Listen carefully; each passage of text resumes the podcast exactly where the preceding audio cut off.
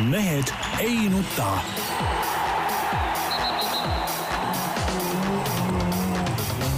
mehed ei nuta. tere teisipäeva, nagu ikka, Mehed ei nuta eetris. Tarmo Paju Delfist, tervist, tervist. Peep Pahv Delfist Eesti Päevalehest, tervist! Jaan Martinson Delfist Eesti Päevalehest ja kõikjalt mujalt. noh, mehed, südamel on miskit või? Südamel. ja on küll, kusjuures on küll ja tuleb alustada saadet äh, ülestunnistusega, Jaan. ja see puudutab natukene sind ka, sest me ikkagi Mind.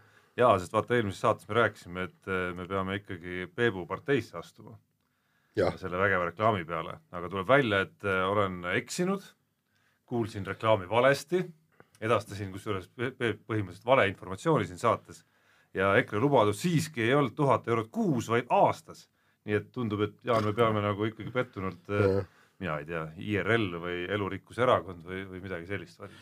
mulle teeb head meelt see, et, et sotsid on asunud ka äh, ütleme siis äh, äh, konservatiivide äh, rahakotti täitma, et ma saan aru, et on sotsid ostnud valimisreklaami siis konservatiivide äh, portaali. No aga kuskilt tuleb saada hääletada. ei, kõik on õige, tähendab ikka, ikka, ikka toome raha sisse.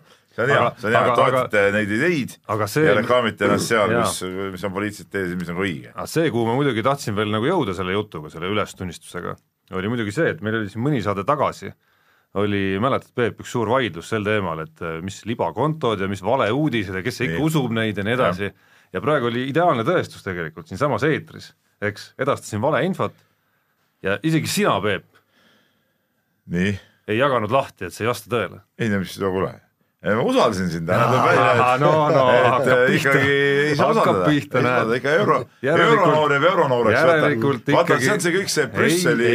Brüsseli propaganda Ei no- ja, ja ütleme see, ütleme rahvusliku väärtuste vastane ütleme see siuke, siuke müra, mida siin üritatakse aeg siin- tekitada ja, ja noh, see tuleb välja, et Tarmo on ikka selle ei vaata, see, see kusjuures ei ole isegi nagu tähtis praegu, tähtis me- on see, et sa ei jaganud seda matsu lahti mis jaganud lahti, ma ei- ei süüdki su, su tühja sõna mulinasse nagu öeldakse. ütleme niimoodi, et mul on täiesti poliitikast viimasel ajal no absoluutselt nii kopp ees, kui veel olla saab. mul ei ole kopp ees, mul on see, see mõte, see on paljud välja öelnud seda, et valimised nagu kohe tulevad, eks ole. aga nagu poliitikast läinud, ei olegi veel, minu arust tundub, et ei lähegi. nii et, et selles suhtes nagu ei ole siin ka midagi eriti rääkida. jah, on nagu ainuke asi, mis mul on südamel, mul oli täna väga sümpaatne hommikul just nii, ütleme nii tipptunni ajal äh, sõitsin selle superministeeriumi eel, eelristmikul Liivalaia ja Pärnu maantee ristmikul, valgusfoorid ei töötanud ja väga korrektne liiklus, hästi viisakalt, kõik pääsesid läbi, kuskil mingit action'it ei toimunud. Ja ausalt öeldes ma mõtlesin, et no nüüd tulevad ummikud ja, ja kõik muud värgid. ma tean, miks, miks see Jaan ka nii oli, ma võin raadiokuulajatele ütelda, et kui ülejäänud liiklejad nägid, et, et eel, eelajalooline pruun Peugeot või see ei, Toyota tähendab, puna, punakas pruun Toyota ligineb ristmikule, siis kõik tõmbasid aupahtlikult kõrvale ja andsid teed, sest et seal ei pruugi olla pidureid. See võib habemega-, ma ei tea õhku see- lennata, see võib teha Kuule, mida iganes, sest sellist riksat teist Tallinna tänavatel muidugi liikvel ma näha ei ole tulid. välja veel. Parkisid see- ära ja tulid välja ja vaatasid. see, see on täiesti suurepärane auto, nagu täna, täna selgus. Täna sa rääkisid mulle hommikul, mingi mootorituli läks põlema ja, ja, aga mis on huvitav, on kompuutri on võimalikud sinna autos, see tähendab ühesõnaga see eh, auto ja, ikkagi auto on nii vana, sinna tegelikult kompuutrit eh, ühendada ei saa, et need, kus sa käid seal töökojas, need lihtsalt nagu jätavad sellise mulje sulle, panevad juhtmed kuskile vastu pärast- seda plastmassi ja siis võtavad raha selle ja pärast on arve peal on, eks ole, kompuuter, diagnostika, kusjuures parandasid õige asja ära, parandasid õige asja ära. parandasidki, aga noh, kleep, kleepisid selle tumeda nii nagu see autobussi juht. Tumeda teebi panid sinna märgi ei peale, loomulikult nad parandasid ära, võib-olla ei olnud vigagi midagi, aga pärast oli ilusti arvel oli kompuuter, diagnostika, mis asju seal veel kõike saab teha. aga kusjuures jah, et, et see probleem on, et äh, ukse käepide on natukene katki ja siis mõtlesime, et, et kuskilt äkki saaks ja siis selgus, et äh, ammu juba ei toodeta neid asju ja Aga kuskilt sa- ladudes ka enam ei ole. aga näed, Jaani peab tunnustama, mootorituli läks põlema, ta läks vähemalt töökotta. tunnustada, õige mees oleks ise võtnud, see pärineb veel sellest ajastust mootor, kus, mida sa tulebki ise lahti võtta ja. minu võrdlus oli mu enda õega, kellel läks mootorituli põlema. sõitis nii nagu mootor kokku jooksis ja no pea noh, see öeldakse nii, et noh, noh, naisterahva aru, ega siin pole muud midagi. okei okay,, kuule, paneme nüüd spordiga edasi ja, ja ülivõimas oli nädalavahetus Eesti spordile. Kelly Sildarust sai järjekordne maailmameister see ja on järjekordne, et päris eh, paika muidugi ei pea jääma, pean siin täpsustama, et No, no, meil ve- maailmameistrid no ikkagi vehklejad- on suhteliselt hõredalt olnud jah ikkagi., no vehklejad on Gerd Kanterid on, Andrus Värnik, täpselt kaksteist aastat tagasi, õigemini üksteist ja pool aastat tagasi. Värnik veel kaugemast ajast, okei okay,. aga ikkagi. järjekordne, nad, Jah. nad on ju järjekordne maailmameister Ma ja, ja, ja seda, seda nüüd siis eh, rennisõidus, kuna eh, kahel eelneval alal ühel ta ei saanud startida sellepärast, et hoogu ei olnud, ehk siis Big Airis ja pargisõit jäeti eh, täiesti ära ja, ja, ja no mis ma nüüd ütlen, eks, Tarmo kohe valab oma vaimustuse välja, ma vaatasin seda sõitu ja kõike, minu kõige suurem probleem, mul oli jube hea meel, et, et Kelly selle eh, kulla võitis, aga minu kõige suurem probleem oli see, et, et ma ei saanud ikkagi aru sellest, sellest võistlusest ja, ja mul ei tekkinud selle viimase hüppe järel, ma, mul esimest korda noh, hiljem kuulsin, et, et Kelly tegi seda maailmas esimest korda, seda hüpet ja kõik, ma ei ole spetsialist. eks ja, ja, ja seda vau-tunnet ikkagi ei tekkinud ja, ja, ja siis tuli niisugune mõttekild pähe, et jube kahju, et, et Kelly Sildaru ei ole öö, nii-öelda noorema põlve Lindsey Vonn, sellepärast et täpselt samal ajal ju käisid mäesuutamise öö, MM-võistlused ja, ja seal ikkagi, kui, kui see stopper käib ja kõik need vaheajad ja kõik, siis lõpus vaatad, kas on öö, roheline või punane, kas on pluss või miinus, et ja olgem ausad, see, et Lindsey Vonn sai lõpuks oma elu viimasel äh, MM-il selle pronksi kätte, vot see oli ka vau, eks ole, või see oli vau. aga noh, see probleem, Jaan, mida sa kirjeldad, käib ju kaasas vist kõikide aladega, kus on mingisugune kohtunike subjektiivne hindamine kaasas palju ei ole no ütleme mida me siin jälgime. no ütleme, kui Kelly Sildaru või ma ei tea, ükskõik kes oleks äh, kujundujuja või oleks äh, äh, mis alad siin veel saavad olla, noh, no iluvõimlemine ilusutamise näite. iluvõimleja näiteks, eks ole, iluuisutamine no ilusutamist on ikka lihtsam aru saada, palju lihtsam, seda me oleme No eluaeg harjunud vaatama. vettehüpped, juba, eks juba ole., juba Kesktelevisiooni aegsest saadik, eks ole, sealt saab nagu midagi aru. See on- kujundujumisest muuseas midagi aru ei saa, see on nagu selge. sest nad on no aeg nagunii vettehüpe- vee all ja iluvõimlemisest, kui eh, ütleme, vahendit maha ei kukuta, siis ka väga raske aru saada. jaa, no vettehüpetest saab aru selle sulpsu järgi natukenegi, aga see, kas ta, kui puhtalt ta seal mingit pöörded soovitas, noh, sooritas, sellest ikkagi on väga raske nagu aru näiteks saada., kas sa, Tarmo, nägid kohe, et ta ei saanud eh, Kelly hüppe ajal seda krääbi nagu tehtud? Ei. ei, küll aga ma tänan seda kommentaatorit, kes kohe selle viimase hüppe järel, kaaskommentaator, kes oli, ütles, et äh, see oli kõva sõna, see hüpe seal lõpus praegu. Nii palju ma pean kiituseks Jah. ütlema, et selge see, et see ala vajab ikkagi väga palju nii-öelda eksperti ja väga head eksperti sinna kõrvale, kes ühest küljest suudab äh, need asjad ära seletada, ära näha ja teisest küljest suudab seda seletada niimoodi, et inimesed aru ka saavad, ehk siis seda tulebki selles keeles seletada, et näed, seda ei ole keegi kunagi varem teinud, ta tegi siin nii palju pööret ja selle erilisus seisneb selles ette, on ju, mitte ei hakka seal, seal on võimalik väga liiga detailseks ka minna, nii et ühestki sõnast ei saa aru isegi kommentaaris. aga muidugi, Jaan, see sinu jutu peale ja ma enda asja peale mõtlesin ka, ma, ma ei tea, kas te lugesite, ma eile õhtul lugesin meie hea kolleeg Ott Järvela, kes nüüd on Sokkerneti erikorrespondent, vist on ametilt, avaldas eile eh, väga hästi kirjutatud eh, kolumni või kommentaari eh, just selle uue spordi pealetungi teemadel, ma ei ole, ma ei ole otseselt temaga muidugi nõus, et see kõik on nii vaimustav, aga ma hakkasin tabasin ikkagi mõttelt, et vaata, Jaan, me sinuga nagu ei saa enam neist asjadest aru. et, et, et kurat, meil võib ikka minna siin ütleme kümne aasta pärast võib-olla tõesti eh, või isegi võib-olla viie aasta pärast selle tööga päris raskeks, sest et, et kui need alad ei vaimusta ja, enam ja, ja kui neist aru ka ei saa, et siis on päris raske seda tööd ka teha. jaa, Kus- aga, aga, aga samas, samas tähendab, mis on meie pluss ja mis on tegelikult minusuguse taadi öö, pluss, on see, et me mäletame veel seda, mis oli kakskümmend, kolmkümmend aastat aga, tagasi. aga see ei, tänapäeva noorust, see ei, ei huvita karavõrdki, noh. no noh, legendaarne, ma ei hakka seda nime ütlema, ma ei mäleta, kas me oleme siin selles saates rääkinud. Eestis on üks spordiajakirjanik, kes on väga-väga tubli ja tore mees ja, ja kui ta tuli noore reporterina tööle, oli suhteliselt vähe aega töötanud, astus sisse toimetusse Allar Levand ja rääkisin temaga seal juttu. ja kui ta ära läks, siis reporter küsis, aga kes see oli? kusjuures äh, Noh, Peep, et noh, see ongi vaata, Jaan, minu ja sinu nendest teadmistest ei ole varsti enam mitte mingisugust kasu ja kahjuks, kahjuks ma kardan, et eh, Ott Järvela, ma soovitan kõigil lugeda seda, seda, seda kolumnit, ma ju kahjuks kardan, et tal võib olla isegi õigus ja see on muidugi, see on minu silmis on see nagu spordisurm ikkagi.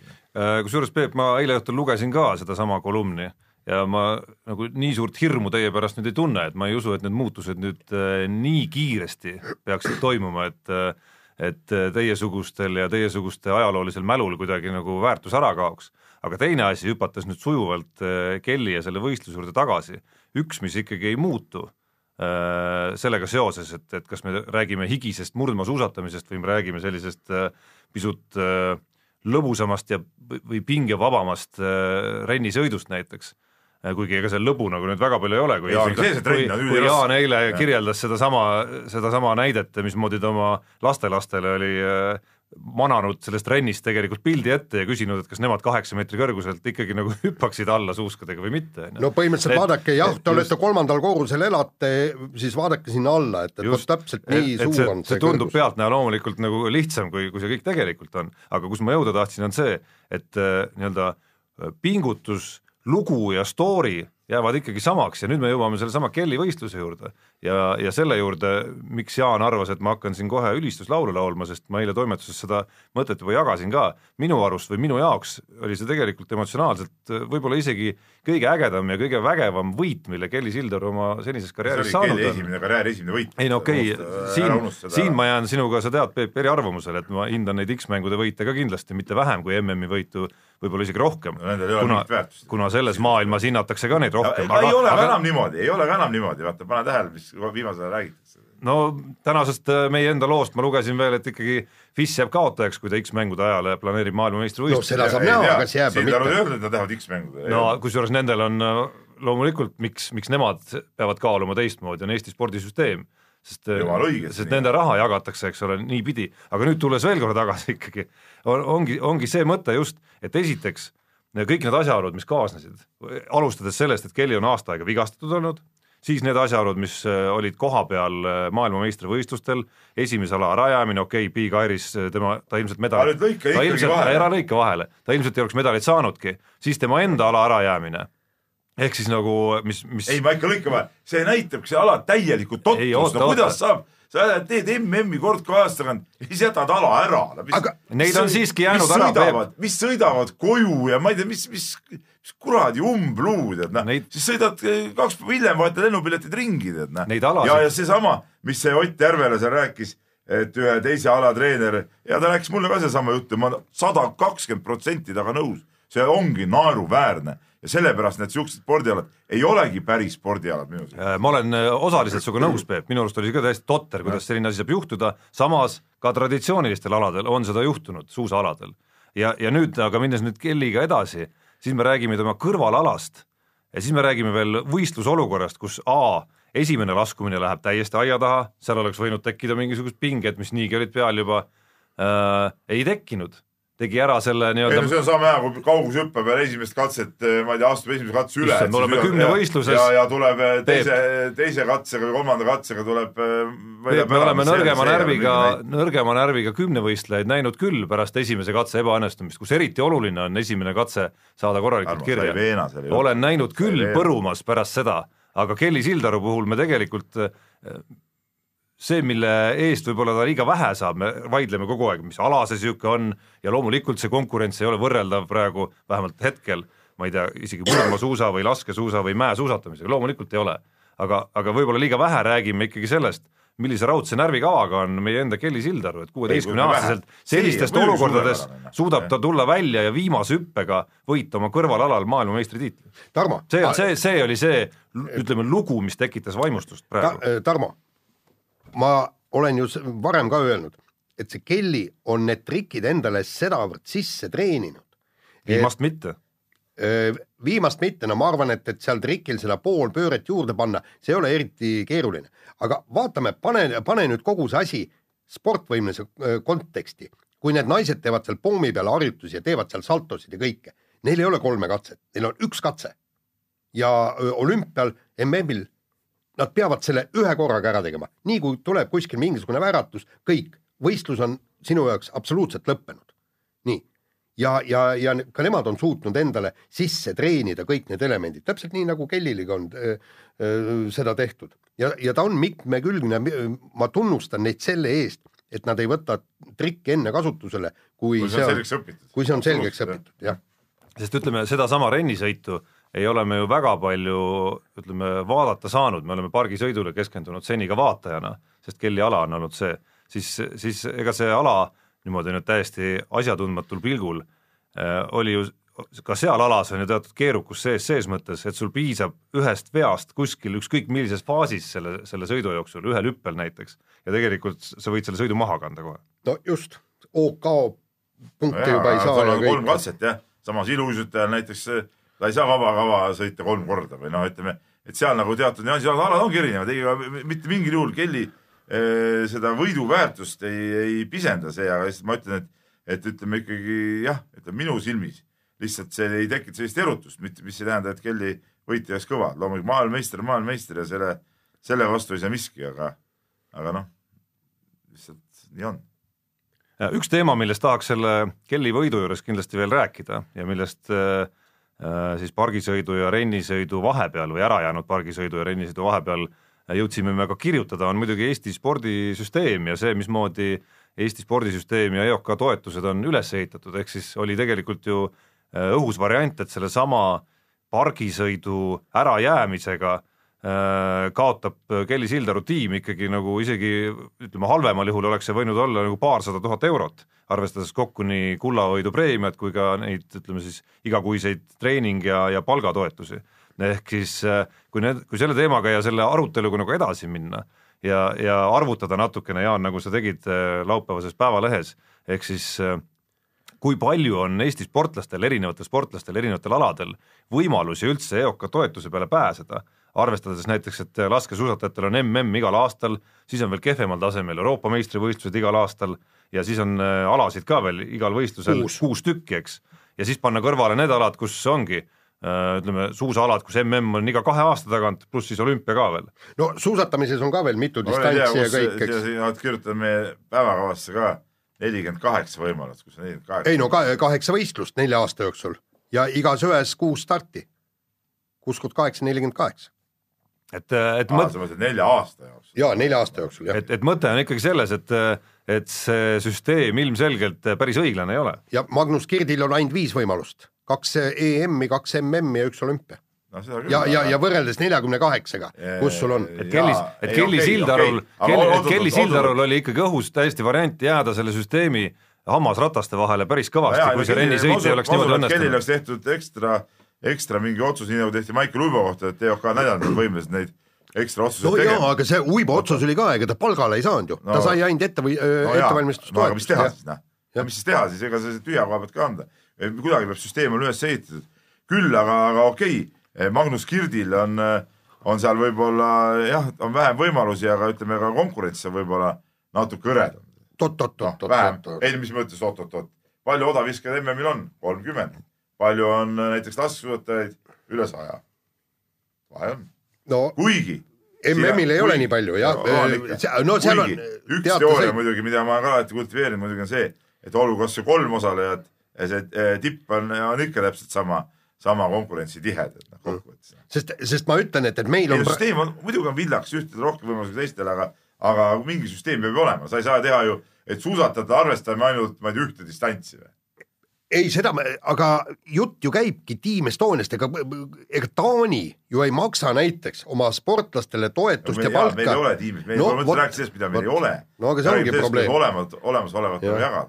jaa, aga noh, see suurem paindlikkus selles mõttes on oluline, et kui sa nüüd lähedki sellesama MM-i ja X-mängude duelli juurde, mis kahe aasta pärast võib-olla ühel ajal tekib, X-mängud ei saa Oota, tulla, no siis Siis- on, siis- siis on nende oma valik siis jaa, aga siin tulebki see välja, eks ole, et Eesti spordisüsteem on sisuliselt vist ainus, mis põhineb nagu sellisel loogikal, mistõttu tema on siis ainus maailma tipp võib-olla, kes no, läheb MM-ile näiteks. sellisel loogikal põhineb. no ilmselt ikkagi üsnagi on. ei, no ma ei, aga üsnagi mujal on. riikides, mismoodi need toetused tulevad siis, oled sa uurinud kõik järgi? ei, ma absoluutselt No, kõiki no, ei ole, aga- aga mis sa siis räägid?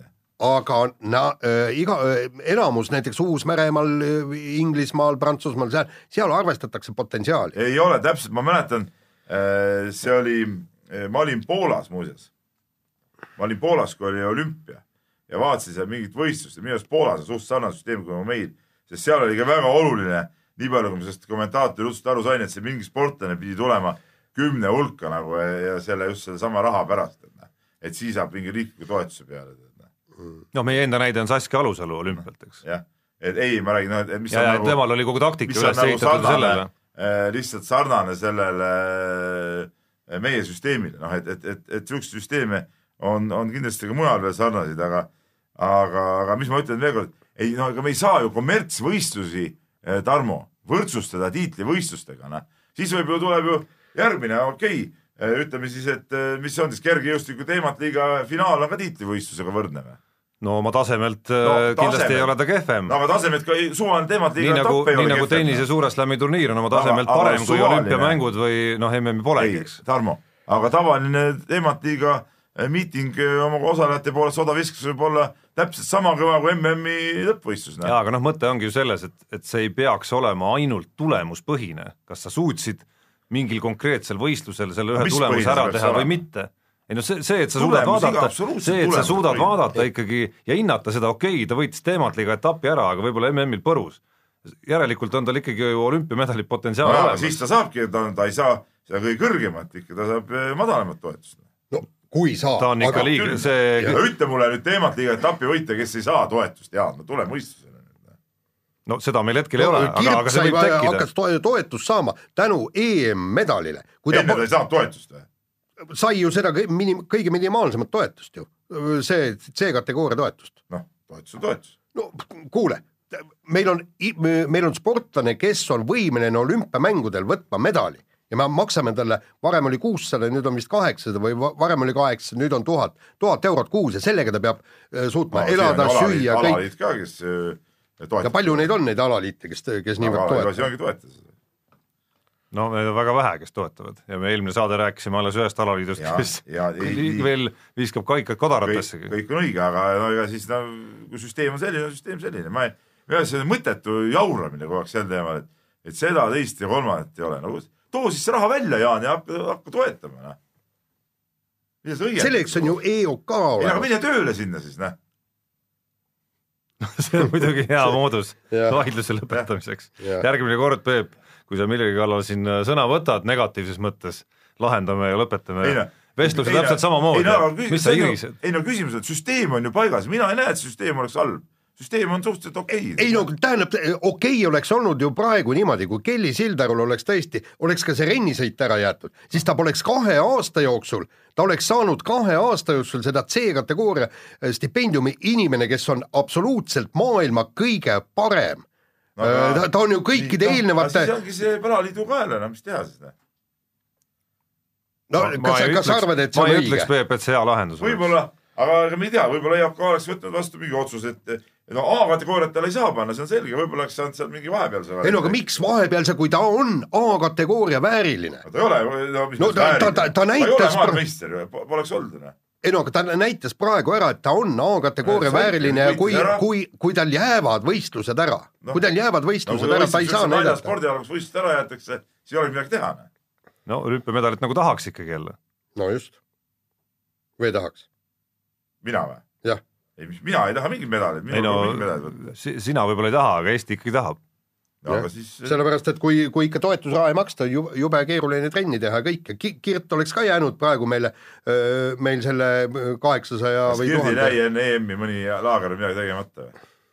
no see ei ole õige küsin, ega õiglane, ma ei tea, võib-olla jäi. no minu teada küll ei jäänud. nii, laseme kõlli. Läheme kiire vahemänguga edasi ja räägime Rally Estoniast edasi, me läheme alustame. Lähme, lähme saatega edasi, edasi., kiire, rubriik eh, number kiire vahemäng. no just, nii. aga räägime Rally Estoniast ja Rally MM-sarjast ja, ja meil oli siin väga öö, paar kuud või kuu tagasi olime väga rõõmsad, et öö, valitsus eraldas Rally Estonia Korraldamiseks. mõned nädalad tagasi, mitte paar kuud tagasi. või kuu-paar, ma ei tea, vahet ei ole. nii, peaaegu miljon eurot ja, ja umbes samal ajal tuli maailma pressis uudis, kuidas käitub Horvaatia sest nemad tahavad ka samamoodi MM-rallit endale saada ja ja siis MM-sarja promootor rääkis, kuidas teda kutsuti presidendi vastuvõtule, kõik räägiti ära, kõik selgitati, president andis kinnituse, et kogu riik, ka valitsus on kõik öö, valmis tegema selleks, et MM-ralli Horvaatiasse tuleks, et ühesõnaga seal ikka võetakse seda asja väga, väga jõuliselt.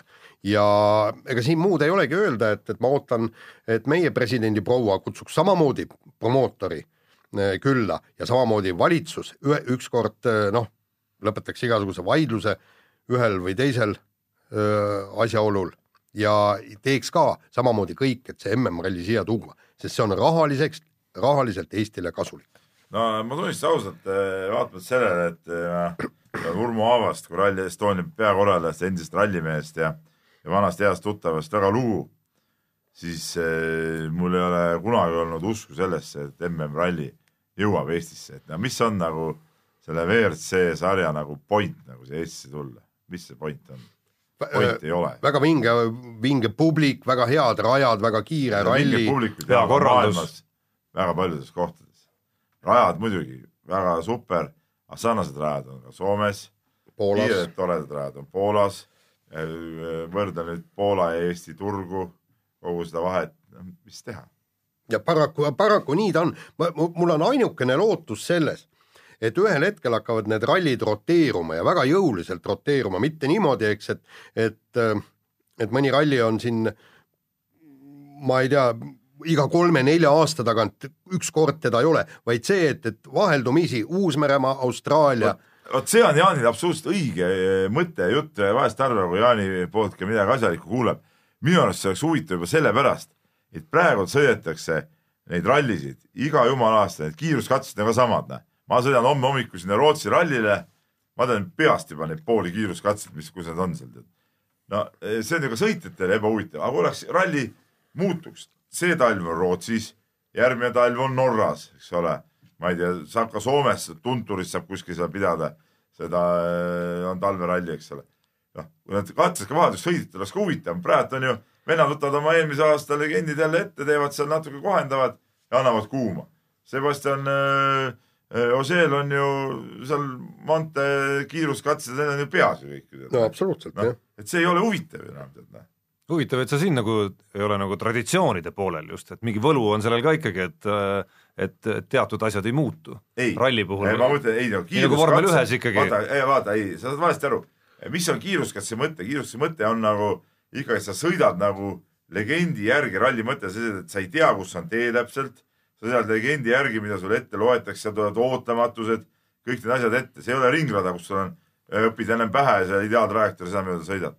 aga kui sul on kogu aeg üks ja sama see rada ja sul lõpuks need asjad jäävad ju, vaatad videoid ka veel neid, vaatad, vaatad, vaatad, lõpuks on ka need rajad ka peas, et see ralli kui sellise eh, nagu idee nagu kaob juba ära minu arust. ja, ja teine asi on ju see, et. ma ei tea, mis sa Jaan arvad ei, absoluutselt, ma olen selle poolt igati ja teine asi on ka see, et, et rallifännidele pakkuda, tähendab täiesti okei okay oleks, kui meil oleks näiteks iga kolme aasta järel oleks Rally Estonia. näiteks kui roteeruks, ma ei tea, kas äh, Soome, Poola e, Rally Estonia.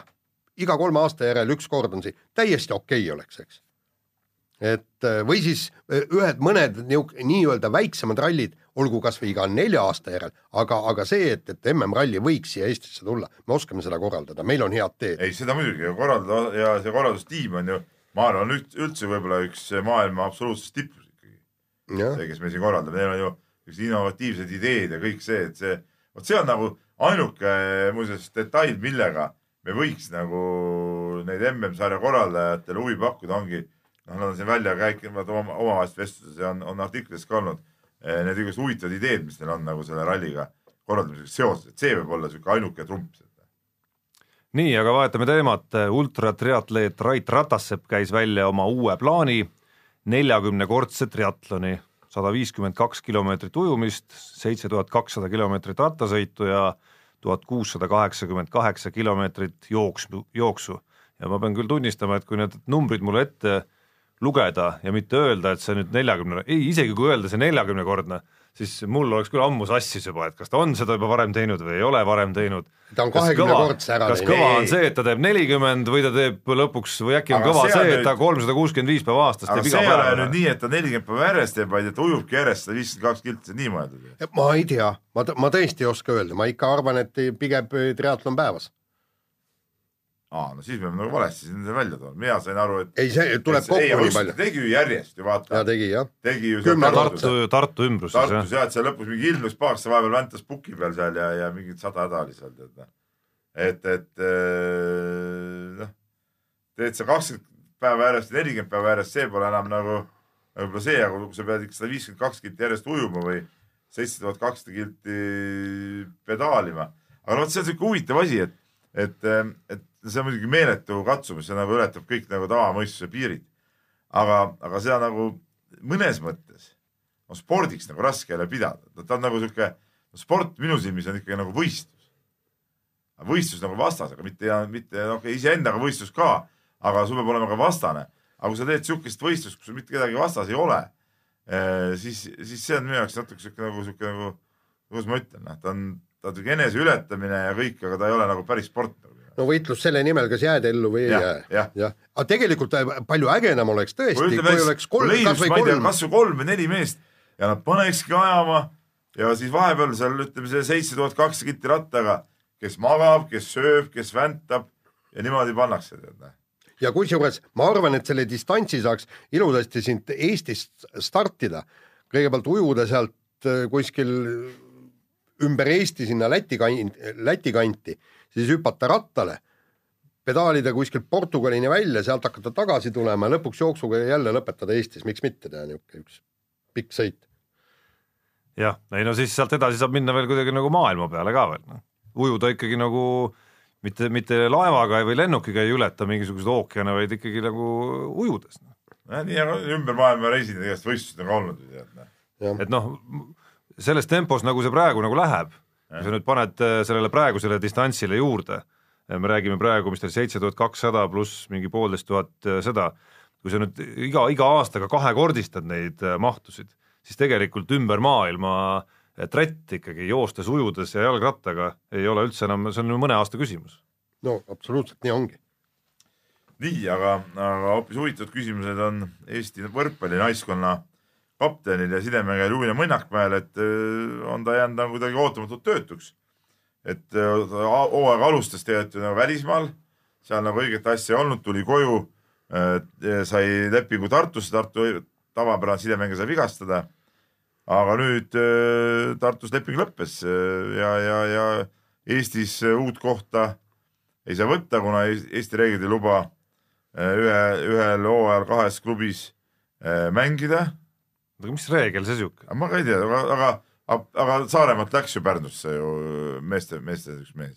on see, vastab see uudis ikka tõele, Jaan? sina oled kirjutasid. Õhtulehest ma seda niivõrd lugesin, aga niivõrd väideti ja praegu teeb Saaremaaga trenni ja öö, Mõnnakmäe ja, ja aga mängida ei saa jah. ja praegu, praegu ongi niimoodi, et öö, meil varsti ka tulemas. miks sa Tartust loobusid, miks Tartus võid jätta enda kaks sidemängu? raha pole, raha pole, vot see on see küsimus. See on see küsimus ja, ja, ja mis näitabki tegelikult äh, minu meelest seda nii-öelda Eesti võrkpalli, vähemalt naiste võrkpalli kesist seisu on ikkagi see, et, et äh, nagu äh, Mõnnakmäe ise ütles ka, et talle ka pole pakkumist tehtud, et kui keegi teeks talle konkreetse pakkumise, võib-olla Eesti Võrkpalliliit siis otsustaks ümber selle, selle reegli ja lubaks tal ikkagi mängida. mis see reegel on, idiootne täiesti. oota, aga kuule, aga oot-oot-oot, ma siin võtsin selle loo lahti ja ongi selline reegel, jah, nalja teete või? on, on. et, et Eesti võrkpallis on see hooaja sees üleminek nagu keelatud. jah, ei, aga, aga meestest ju läks ju see mingisugune, üks mees läks ju Saaremaalt, tuli ju Pärnusse ju. mul praegu ei tule meelde see ja. noh, mis ta nimi on, ma ei, näed, ma ei suuda öelda praegu keele peal no.. oh,. oli see Ennemuist või? ja ta, ja ta oli nagu mingi poolvigane ja mingi hädad olid seal ja aga kas ta oli enne mänginud? oli, oli muidugi, platsil oli? absoluutselt. see on mingi naiste reegel siis või? no ma ei tea, üldiselt praegu et, eh, keset saadet jääb natuke jänni oma asjadega ja ma arvan, me rohkem ei mõtet seda teemat kommenteerida, kui sedasi on eh, asjad, siis muidugi tervitame Võrkpalliliitu, Karol Paasi ja Toomas Vara ja muid eh, naljahambaid, kes siukseid idiootseid reegleid välja mõtlevad. Ei no siin on ikka väga konkreetselt äh, ära öeldud, Eesti reeglite järgi on see nii, tärn on veel juures ja loo lõpus on etteruttavalt tasub mainida, et Võrkpalli Föderatsioon on juba arutanud, et tulevikus vastavat reeglit, mis ei luba mängijal pärast ühe klubi esindamist enam võistkonda vahetada, muuta. no jõudu, jõudu Oinavillid. praegu on ainsaks erandiks laenuleping, aa vot, vot no aga siis on ju lihtne teha seda. ei no aga talle, tal ei ole lepingut. no teeb Tartuga lepingu, laenad välja. selleks ei pea olema mingi, konkurentide juurde. selleks ei pea mingi ajuhiiglane olema La,. laenad konkurentide juurde, kes sulle ära teeb või? ta on ju väga hea mängija. Eesti no, kapten, Eesti sidemängija. Eesti sees võiks siiski kuidagi ja, nagu nii-öelda üldiseks hüvanguks hakkama saada. ei, mis hüvanguks, sa tahad ju liigat võita, no selles Jaani jutus on muidugi iva, tead noh. aga mina leian, et Tartu selleks, et liigat võita, oleks võinud ikkagi leida see, no palju see palka saab hooaja lõpuni paar kuud jäänud, mõned tuhat eurot ikka leiab kusagilt. no aga ei leia nad no, no re reegel, olgem ausad, on siiski ju jabur, täiesti jabur. täiesti jabur. nii. ma saan aru, et on mingisugused tähtajad, on mingisugused üleminekute aknad, eks ole, ja mingid asjad või mingid, mingid perioodid isegi, et sa ei saa võib-olla ütleme, täna mängida ühe eest ja kohe homme teise eest, mingi vahe jääb seal vahele, nagu, nagu mõnes liigas on näiteks, aga, aga et üldse ei tohi, see, selle eest tahaks tõesti õnne soovida nii, nii, lähme järgmise teema juurde kiirelt ja politseikoer Nublu äh, jälgis enne Instagramis ühte kontot ja see oli Ott Tänaku oma, nüüd ta lisas äh, ka teise konto ja loomulikult Kelly Sildaru. no ikka nagu näha, Nublu, kes, kes antud juhul on siiski Eesti esilevimuusik hetkel, mitte koer. ei, levimuusik ta nüüd kindlasti ei ole miks ei ole? räppmuusika on ka levimuusika. ei ole, ei ole, räppmuusika ei ole levimuusika levimuusika on ikka siuke kergemat sorti estraad. Anne Veski. Anne Veski äh, seal vanasti. Erik Kriiger. nii, aga see selleks, aga nagu näha. Äh, Mait Maltised ja kes omal ajal kõik olid seal need. suveniiransambel. suveniiransamblid ja mingid siuksed, tead näe. siuke vana kool nagu, kes. ja suveniir oli kusjuures pühapäeval, pühapäeval ka Anu Välba saates oli suveniir minu arust kohal. rääkis no., rääkis, ütleme rääkisid, asjaosalised rääkisid ka ise oma muusikast nii, et ei tekkinud väga tahtmist seda levimuusikat kuulata. no vot. aga tulles tagasi. oli ajal tore tulles.... Sirje ja Rein Kurg ja, ja kes oli Heldur Jõgioja ja mingid legendid, ma ei tea, pooled neist on juba küll ka meie seast juba lahkunud, aga noh, legendid ikka, vot see oli, vot see on levimuusika. Äh, tulles Nublu juurde tagasi, siis mulle tundub, et Nublu on selline nagu kuidagi jahib kuidagi odavat populaarsust ikkagi Tänak oli pildis, hakkas Tänakut jälgima, Kelly võitis, noh, põhimõtteliselt nagu Kalle Palling seal ja kõik need, kõik need karvased ja sulelised, kes olid eile õhtul Tallinna lennujaama kohale kogunenud seal. Indrek Tarand ees, et mida, mida temalt sealt otsida oli veel no,? äkki saab kakelda? lootsid äkki no, kakeldada ju väga ei, ei tahtnud nagu näha. viskab ennast ju pikali maha, laseb ennast lohistada. ja siis, ja siis pärast ja, ja, ja jalaga tagumikku panna, läheb anda endale. võib-olla lootsid, äkki saab jälle, võib-olla hakkas meeldima. no just. ka ei tea ja aga, aga oota, siin, siin küsimus, et, et äh, kas äh, Nublu läheb nüüd siis Eurovisioonile või kui ta on meie parim? kuidas, kuidas see siis äh, need süsteemid ja asjad on, eks et meil läheb ju Kelly Sildaru, ta on meil kõige parem pa, pargisõitja või freestyle suusataja, tema läheb MM-ile. kas siis Nublu läheb? no Nublu miskipärast ei osalenud tänavustel Eesti meistrivõistlustel. sellest on tuline kahju muidugi ei no kui ta on kõige parem, no miks siis mingisugust konkurentsi, kas siis meil vaata, oli vaata Eesti levimuusikas on tõesti olukord selline, et et tsempionaadil millegipärast osaleb nagu, nagu teine ešelon tihtipeale. valdavalt teine ešelon, mõnda, mõnda nii-öelda osalejat näedki esimest korda seal ja ühtlasi ka viimast korda oma elus näed seal. no ütleme, et Eesti ütleme, pea, peamised, ütleme, ütleme siuksed tublimad artistid eh, siiski seal üles ei astu tihtipeale. me näeme siis kus on seekord, okei okay,, eelmine aasta oli, kus seekord on? Ivo Linna, Tõnis Mägi, sama Anne Veski, kus nad on? ei äh, osale ju. no ega ka, ega ka muudel Eesti meistrivõistlustel alati ei ole siiski kõik kohal. Rasmus Mägi küll tuleb alati, jookseb seal uhkes üksinduses oma nelisada tõkked ära, tead. Jagor on seal kuskil kolme, viie, viie meetri kaugusel. järgmised on poole ringiga maas aga alati nad ei ole kohal siiski, on vahel ei no aga ka. ütleme niimoodi, et kui me räägime praegu siis eliidist umbes kakskümmend parimat on ju puudu. eesotsas Nubluga. seal on ikka rohkem isegi, jah. nii et Nublu, võta kokku ennast ja meie vahetame teemat ja äh, tunnustame natukene Eesti koduseid korvpallureid, kes äh, on eelmisel nädalal näidanud, et äh, et suudavad mänge võita, et ei ole Joel Lindberg ainus, kes on suuteline Eesti Mänge pallimängijatest mänge otsustama, vaid on korvpalliringidest tulnud välja ka selliseid mehi, üks neist siis Gregor Hermet, kelle lõpusekundi korv tõi Tartule võidu TLÜ Kalevi üle ja teine siis ja veel kõvem mees minu arust, Gregor Arbet, kelle uhke kolmene tõi siis TalTechile võõral väljakul, kusjuures veel võidu Jurmala üle Äh, mis ma- oli, mis oli eriti efektne veel, sest päris totral moel oli paar sekundit varem äh, lastud Jurmalal see mäng viigistada. no ma ütlen nii, et ähm, äh, Herm-, Hermeti korv oli ka kõva, aga see oli ikka rohkem siuke nagu, nagu juhuslik nagu, et see sai, viskas mööda, sai selle laua ja kuidagi seal tõukas selle sisse, siis, siis Arbeti kolmene, see on see on nagu nagu, päris, see on nagu päris ja see oli nii ilus vise, et seda peaksid kõik ka noored korvpallurid vaatama, kuidas äh, sealt hoo pealt tulla, pall, üleshüpe äh, kõrgele, kõrgelt vise, noh, see on nagu, see on nagu õpik, noh, seda, see oli nagu vägev. aga kui Eesti korvpalli peale jutt läks, tahaks muidugi õnne soovida ka meie, ma tean vähemalt sinu, Peep, lemmikklubile, mis on Tallinna Ülikool Kalev, kes on siin äh, esiteks äh, ei suuda oma halli korda saada, ehk siis Sõle tänaval, ma saan aru, katus tilgub kogu aeg välja kuulub muidugi selle klubi. no ei kuulu muidugi, aga noh, aga, aga ikkagi jah. ja, ja teine õnnesoov läheb kindlasti uue mängija palkamise üle, ma ei tea, kas sa juhtusid mäge- nägema nende mängu. kas see üks trullakas noormees mis ta oli, Michael Buchanan vist jah, oli ta midagi nimi, siukest jah. et ütleme, pannes Peep sind ja teda kõrvuti, siis äh, ütleme, näete enam-vähem ühe palju sportlase välja., aga kas, kas see äh, Shaq nägi sportlane või, või see Sotseniidis, noh, Äh, kusjuures ma arvan, et neil oli, ütleme siis kehamassi indeks oli siiski kõvasti, kõvasti tublim kui sellel värskel mehel, vähemalt hetkeseisuga. aga pidi hea mees olema. võimalik. Kui see, võib-olla see ükskord hakkab sealt kuskilt paistma. siseinfo nagu klubist ütleb, pidi hea mees olema ei. no kui ta ülikooli karjääri vaatasin, siis ta nagu väga halb mees ei saa olla jaa, aga kui mees tuli Jaapani kol- kolmandast liigast, oli Jaapani kolmandas liigas. nii, nii nad räägivad.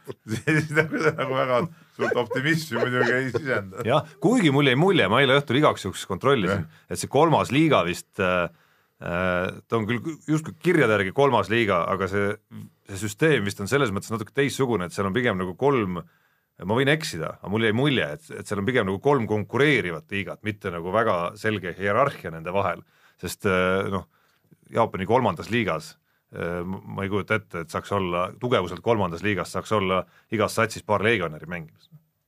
selline korvpalliriik see nüüd ei ole. seda ka jah, aga no ütleme nüüd ka mingit eh, imetaset sealt ilmselt ka selles liigas oodata ei, ei, ei ole, nii, nii. aeg lendab jõhkralt. Aeg läheb jõhkralt, aga kirju ja kirju on veel ka täna, täna kohe ma ütlen, et väga-väga palju ja hakkan pihta Indreku kirjaga, kuna meile ikka korvpall meeldib ja, ja võtame siis otsast käima, et, et tervist, härrad. kas Luka Dontšitši sõnavõtt, et NBA-s on lihtsam skoori teha, vastab tõele või on lihtsalt tegu väga kõva mehega, mis te arvate, kas meie jutumärkides NBA kehad ka suudaksid seal punkte visata? noh, mina arvan, et NBA-s võib-olla tõesti mõnes mõttes lihtsam skoorida, eriti esimesel poolel, kus kaitsemängu no. ei eksisteeri eriti põhiturniiril. ja põhiturniiril jah, jah. et ma arvan, et on jah, mingi, mingi maani vähemalt kindlasti, sest see te- mängutempo on aetud nii kiireks lihtsalt, et, et sellist, sellises nagu jookse-viis-viska mängus ja päris äärmuslikus jookse-viska mängus, selge see, et seal noh, ilmselgelt nii nagu Kalevi eilne mäng põhimõtteliselt ju Jenisseiga esimesel poolel, kaitse ei jõudnud ju kordagi ennast paika saadagi, kui lahendused olid juba nagu otsitud. No seal nagu lahendusi ei olnud ja kaitse väga ei üritanudki ennast paika saada ka. no just, et noh, sellises vees ongi lihtsam skoori ka teha. ehk nagu ütles äh, Jenissei äh, peatreener, et äh, mängisime ilma kaitseta.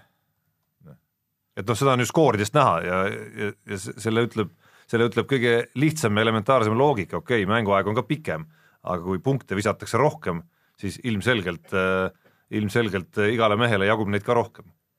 nii, aga võtame järgmise kirja, Kaio ja see on ka veel korvpalli teemal ja Kaio kirjutab huvitavas stiilis, niisugune küsimus.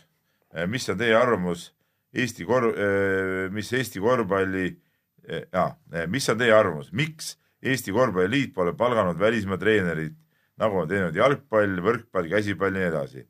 ma ei taha väita, et Tiit Sokk ei saa hakkama, aga minu arvamus on, et oleks vaja uuendusi, näiteks eh, minu pakkumine oleks Donald Askairis, see on siis Kalev Cramo praegune peatreener.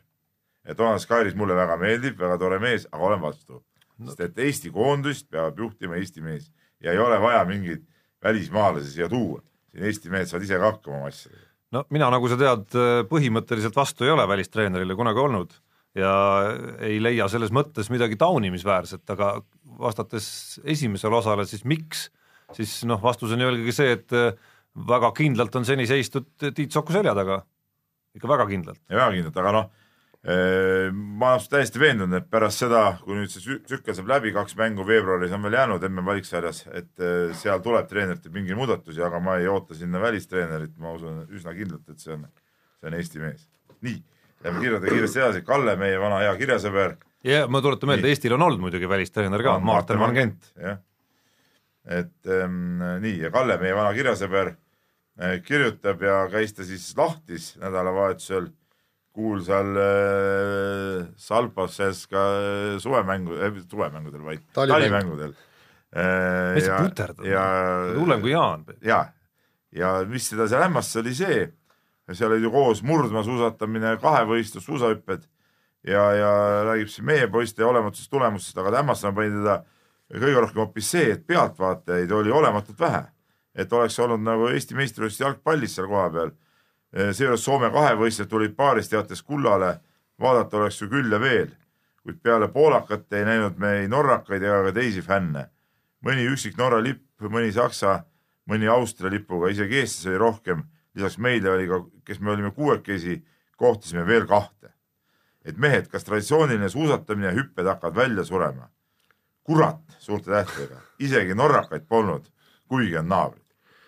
No ütleme, et, et Norral on endal äh, neid võistlusi piisavalt, et mida nad vaatavad ja tegelikult noh, mina ei tea, mina olen vähemalt omal ajal, kui ma, ma pole tõesti kaua-kaua käinud Sal-, Salpaustsela mängudel, aga aga omal ajal, kui ma käisin, seal oli ikka kõva tunglemine ja oli noh, telekast vaadates jah. ikkagi juba aastaid minu arust On- on, on lahti vä- mängudel on ikka uskumatult vähe rahvast, arvestades, et eriti arvestades, kuidas Soomel ikkagi nendel kõikidel aladel on ikkagi tippsportlasi küll ja küll. Aga see ilmselt vastab tõele ikkagi, et see murdmaa ja see tervikuna ikkagi hakkab kuidagi nagu ära vajuma, no kahevõistlus nagunii on marginaalne spordiala, noh tegelikult olgem ausad, no see ju ei huvita maailmas mitte kuskil mitte kedagi sisuliselt publiku mõttes. ja see murdmaa ka, ütleme suusahüpped Kesk-Euroopas on kõva, aga, aga Soomel oma tippu praegu väga pole ja, ja võib-olla sellepärast ka, ega siis, ega inimesed tahavad näha ikkagi oma tippe ka selle asja juures, see on nagu põhiline. ja teine asi, et, et ei ole nagu suudetud kuidagi üles haipida neid spordialasid ka, kui me vaatame laskesuusatamist, on ju. et, et see on nagu hoopis teine asi, kui, kui sa vaatad kasvõi need reklaamklipid, mida ETV-s tuleb, et, et nüüd umbes, et öö, homme, homme on etapp ja kõik, kuidas seal, need on ju niisugused ägedad, kes kutsuvad vaatama, aga seal ongi action'it, seal ongi action'it rohkem. ja noh, ega see, et eh, me näeme ETV inimesi koha peal kogu aeg, näiteks laskesuusaülekannetel, on ju minu arusaamise järgi ka osaliselt ikkagi, vähemalt osaliselt nii-öelda nagu korraldajate teene seal just selleks, et need laskesuusaülekanded näeksid kõik paremad välja. nii kiirelt võtan viimase kirja, Tarmo Tallinna lähedalt Peetri külast on kirjutanud meile ja küsinud, et eh, on tulemas siis, te siin nimetate laulmise Eesti meistrivõistluste finaaliks seda alati, Eesti Laul ja, ja et mis jama see on, et Tarmo kirjutab, et, et mingisugune Rootsi mees tahab minna Eestit esindama, täielik jama, absurdsus, totrus, idiootsus eh, trükitähtedega kirjutatuna. mis teie sellest arvate? no, no nõus, nõus, mina kirja-, mina olen, mina olen kirjasaatjaga absoluutselt sellise kirja mõtlesid välja praegu ei, mis mõttes mõtlesid välja? no näitan sulle näed, näed. ahah, ahah, ja, ja noh, selge, olen täiesti nõus sellega. sinu jämedad näpud ilmselt tegid seal, kuidagi oli vaja see Viktor, mis ta nimi on, Kroon või Kroon, Ma ei tea, kuidas seda hääldatakse isegi viha ikkagi nagu kuidagimoodi siin, siin kuidagi välja varada. ütlen praegu kuulajate arvamusest. kuulge, tehke mulle selgeks, vot ma ei ole mitte ühtegi laulu kuulanud ega ma vist ilmselt ei kavatsegi kuulata seda, aga äkki need on lahtine tšempionaat? ei ole või? no minu arust see on No on lahtine, see reeglite järgi kõik on- vastab tõele. võib-olla isegi on lahtine, aga no olgem ausad, Eesti on suur mingi laulurahvas, meil on mingi laulupidu ja, ja, ja, ja, ja kõik asjad ja, ja meil on kõval tasemel see levimuusika, millest me ennem rääkisime. no mis me nüüd ei leia oma lauljat, siis peame mingi rootslase laulma panema sinna või? no see on jama täielik ju, Eestit esindama välismaalane laulab äkki eesti keeles? ei, ta ei laula eesti keeles, ma olen seda laulu kuulnud. laulul endal no, otseselt viga midagi pole, siuke tavaline popp-lugu, eks ole. et, et äh, noh, ei paista eriti silma, aga ei ole ka paha, no ütleme ära ei keera, raadiot kinni ei pane, kui parajasti tuleb. aga, aga, aga no kuulge, mis te jamate, noh, meil on omal lauljad küll ju noh. See on totrus ju. ja, ja kui tema saab, siis mina Eesti poolt ei ole, kui tõesti tema peaks saama, aga ma loodan, kuna rahvahääletusel on ka suur osa, siis ma loodan, et, et rahvas muidugi teda ei hääleta. nii, aga nüüd meil on kümme minutit aega kõikide muude asjade jaoks ja pool saadet on veel ees. nii äh,, räägime vehklemisest.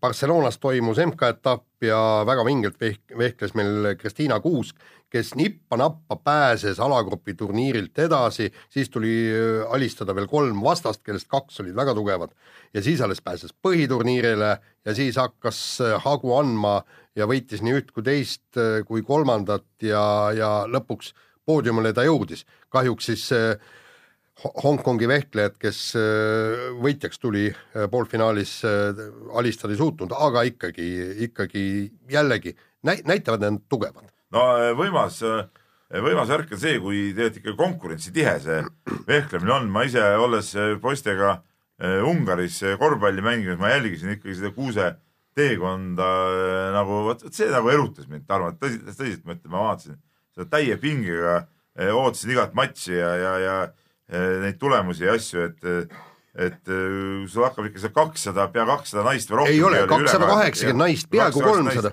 Hakkab nagu pihta, et sa pead sealt välja ronima. kui tõesti alagrupis saad, saad ainult kaks võitu ja sisust oled väljakukkumise järel ja lõpuks pressid ennast sealt kolmandaks, no siis see näitab, kui, kui ühtlane see tase tegelikult on, noh. et ma natuke võrdlen seda nagu tennisega, kus on ka võimalik, et seal ma ei tea, esimeses, ütleme, sajanda koha mängija võidab seal esikümne mängijat, noh, see ei ole mingi maailma ime, eks ole sama asi on vehklemises, et, et mingi sajas vehkleja võib seal esimest võita ja see ei ole mingisugune ime.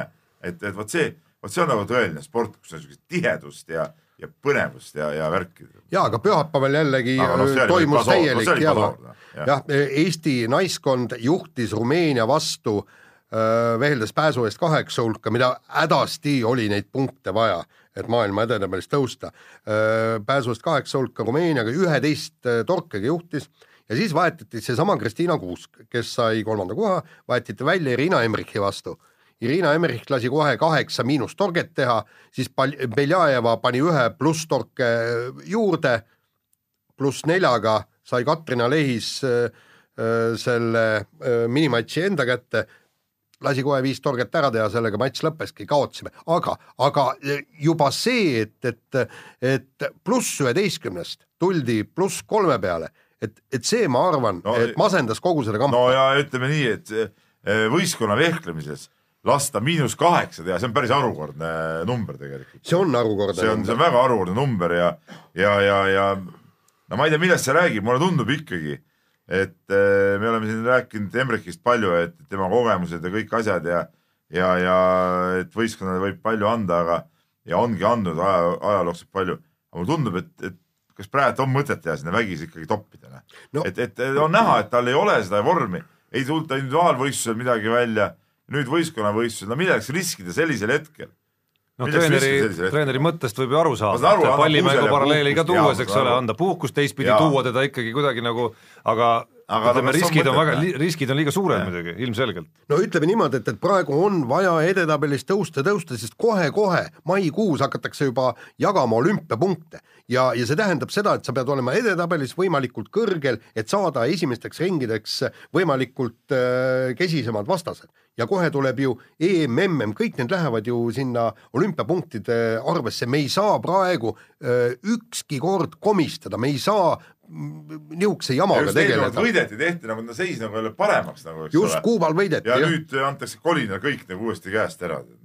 et see oli nagu, see oli nagu suhteliselt andestamatu viga tegelikult ja, ja väga jäme eksimus ikkagi, ikkagi äh, sihuke, see, sihuke vahetus ja, ja ma see, oli, see oli suur eksimus. ja südamest loodan, et, et see, see nagu ei võta võimalust pääseda olümpiale, sellepärast et no ütleme niimoodi, individuaalselt olümpiale unustage ära, sealt, seal on niivõrd keeruline, võib-olla üks Eesti vehkleja, tähendab, pääseb olümpiale ro, rohkem mitte, kui me ei ole maailma edetabelis viie või kuue hulgas, noh.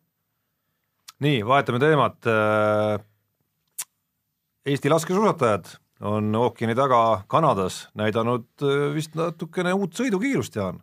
no tundub küll, kui vaadata protokolle, aga ma tahaksin äh, näha sellele kinnitust nüüd järgmistel etappidel ka, sellepärast et mul on mingisugune niisugune südames äh, terav kahtlus, et äkki pandi suuskade määrimisega niivõrd kümnesse, et, et sealt tuli see edu, sest, sest see on ju meeletu edasiminek kui Tuuli Toomingas võidab no see ei ole vahetuse- päris üleöö nüüd tulnud siiski, see, see on nagu sammhaaval siiski ei, ka küll mis on nagu toimunud nüüd hüpe, viimane hüpe oli ikka järsk. küll, mis on toimunud minu arust järsemalt, kui sa naiste arengut räägid, siis see ei ole toimunud nagu ühe võistluse pealt, et see on nagu sammhaaval liikunud sinna suunas aga siiski. järsk, viimane samm oli ikka järsem. aga, aga, aga minu arust äh, kas me oli eelmises saates või üle-eelmises saates see, kui me rääkisime siin sellest, et laskesuusatajad Eesti murdmaa meistrivõistlustel paistsid silma ja siis ma ise veel ütlesin mingi lause, et, et näed, isegi Rene Sahkna, kes ju tegelikult on viimasel ajal üsna kehvas vormis olnud suusa mõttes, siis, siis äh,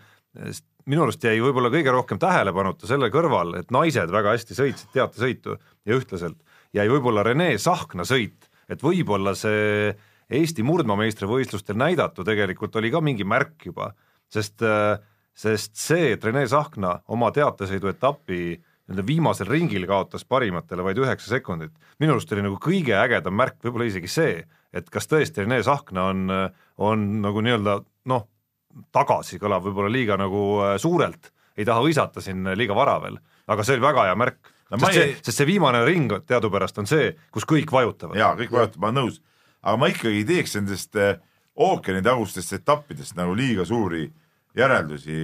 üks asi on see, okei okay,, seal oli, oli palju ässasid kohal, osad olid puudu, see selleks, aga vaatame just võrdlust nagu nende parimatega, kes olid.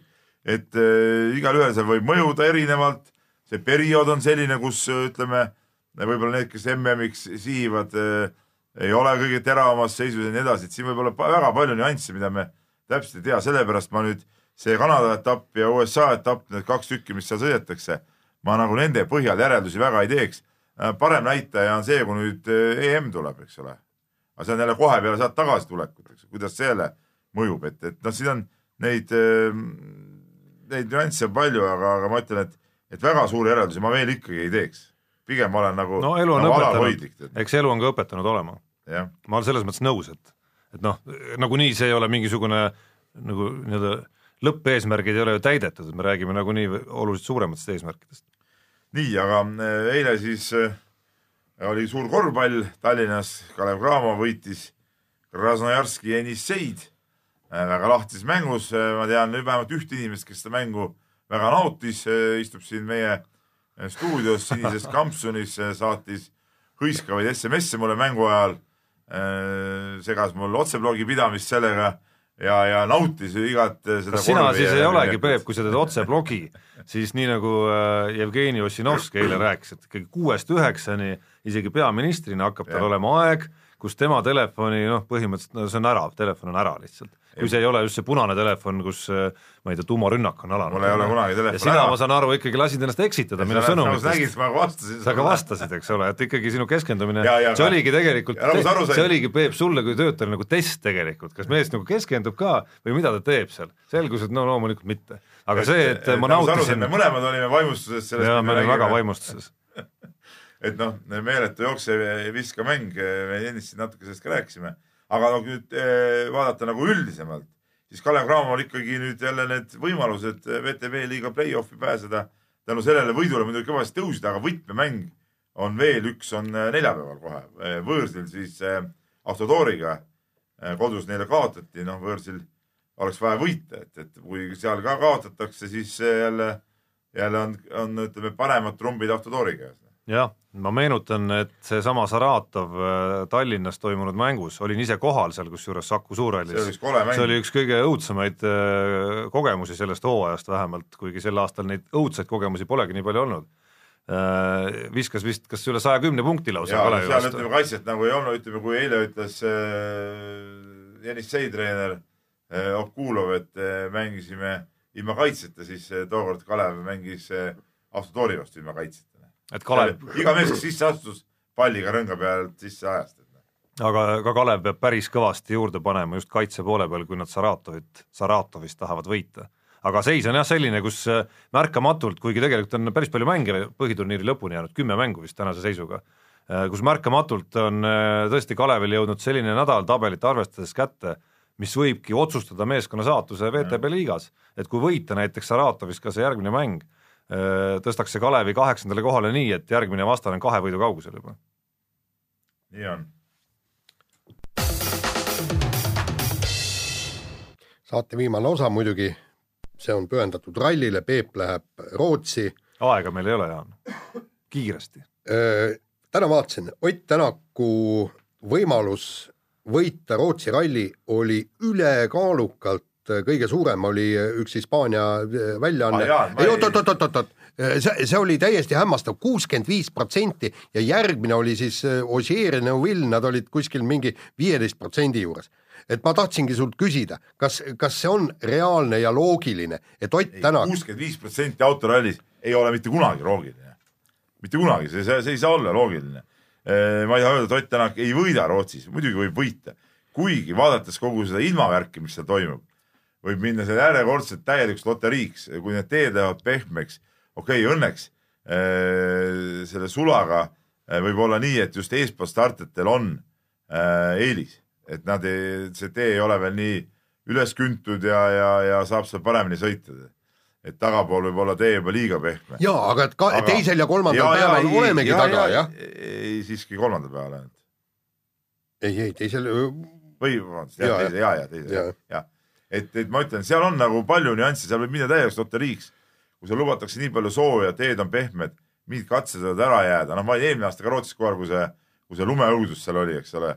noh, et see seal, ma ei ütle, ma ei, ma ei tahaks küll neid ootusi niimoodi üles kruvida, et, et, et, et siin on midagi kindlat, siin ei ole mitte midagi kindlat sihukeses olukorras, mitte midagi auto on hea, mees on hea, nüüd öö, sõltub kõik sellest, et mida punkt üks teised teevad, mida ilm teeb, kuidas joppab, kõik nii. ja, ja no seal on üks huvitav, üks selle ralli minu arust kõige huvitavam asi on ikkagi see, et kuidas Markus Grönholm sõidab. ja seda tahaks näha. see on, see on nagu minu jaoks on see nagu selle ralli kõige, kõige erutavam detail nagu, et, et kuidas nagu vanameister tuleb nagu välja, et mis seisus ta tuleb, mis, mis see tema motivatsioon on, ma ei usu, et ta tuleb välja niisama sinna sõitma, et kui ta tuleb, siis ta on ka kiire ja, ja, ja. ja tal on ka Toyota all. tal on ka Toyota istumise all, nii et, nii et nalja seal ei ole. nii, ja, ja teine, mis on minu jaoks tegelikult väga huvitav, on see Kalle Rovandpera versus Mats Öts-, Östberg, mõlemad R5 autodega. WRC kaks sarjas. Jaan, Jaan. jah tahad, teeme ühe? ei, ma, ma, ma, ma, ma arvan, et Östberg võidaks, sina pakud äh, Rovandperat või? tahad, teeme ühe kihvle, ma üllatan sind praegu. noh, nimelt. Neist ei võida kumbki. võidab sihuke mees nagu Gräzin. see on ka huvitav, jah. Oled nõus võtma vastu või? mul on Gräzin, sul on kõik ülejäänud. okei okay.. koefitsiendiga siis nüüd hakkab koefitsiendiga. ei no okei okay., paneme, ma julge hundi rinda alati võtma. ühe väga hea õlle peale. ühe väga hea õlle peale jah, mitte, mitte, mitte mingisuguse eurose Saku originaali, vaid mingisuguse peene. kaheliitrine diisel. jah, duubelpokk, vot. kuule, aga selge. Vot nii on. noh, kui ma Kihlve kontorit vaatan, siis Tänaku koefitsienti ma näen siin kaks koma seitset, nii et seal see protsent ütleme arvutades on selline kolmekümne ringis jah, aga ma lihtsalt võidu, võidu, võidu tõenäosust hinnatakse, tähendab siis kuskile kolmekümne protsendi kanti. jah, aga ma lihtsalt ütlen, mis hispaanlased, et, et no nemad arvutada ei oska ilmselgelt no,, sest neil ei ole ka mingit raha mängus, et siis võib igasugu, siis võib igasugu numbritega ringi käia, vaata, aga Kihlve kontoril on selles mõttes nagu vastutus taga, et ta peab tõenäosustega üsna täpselt ringi käima. Tarmo, sa muidugi põrinatest mitte midagi ei jaga, eks ole. sa said ikka aru, et see Kihlved ei puudutanud ei, sain, sain, absoluutselt. teist masinaklassi. jaa, jaa, absoluutselt täiesti hästi sain aru, ma lihtsalt tõin jutu tagasi Ott Tänaku juurde. teist distsipliini, nagu meil jäi üks kiri ette lugemata, kus sarjati ähm, või küsiti, et miks kasutatakse tänapäeval äh, spordiala või lemmikala asemel siis nagu lemmikdistsipliin nagu oli. aga, aga ma ütlen, et mis on põhjus. distsipliini võib kasutada, see on ja, ei, see on tulnud natuke vene keeles, vene keeles ka. ei, aga ta, ta ei ole hea ja põhjus, miks kasutatakse, on see, et neil ei ole Gunnar Pressi kooli. ma mäletan, kui meil keegi kirjutas äh,, ei kirjutanud äh, olukord, vaid kirjutas situatsioon, sai kohe pikki näppe ja sõimata et meil on eestikeelne sõna, kasutage eestikeelset üks sõna. kõige klassikalisem, muuseas nüüd väike keeleminutid ka siia saate peale. Peep, on nüüd keelemeheks hakanud. Gunnari onu, onu Gunnar, nagu me ütleme, eks ole, üks klassikalisemaid asju oli ju, ju kas treeninglaager või treeningulaager, eks ole. et kirjutad treeninglaager, mida, mis nagu tundub paljudele loomulik ja niimoodi kirjutatakse, et siis sa treenid nagu laagris olemist. noh, aga treeningulaager on siis nagu õige, eks ole. nüüd on minu kõrvad kuulnud ära sellise asja, kus Jaan ja Peep, kaks tõelist eesti keele meistrit on, on ka need minutid ära andnud. on, on, aga on, sina oled selle. on ka need minutid ära andnud. Tarmo, ka sina oled onu Gunari kooli läbi käinud, nii et äh, nii on paraku. nii, ja paneme saatele punkti, kuulake meid nädala pärast, olge mõnusad. mehed ei nuta.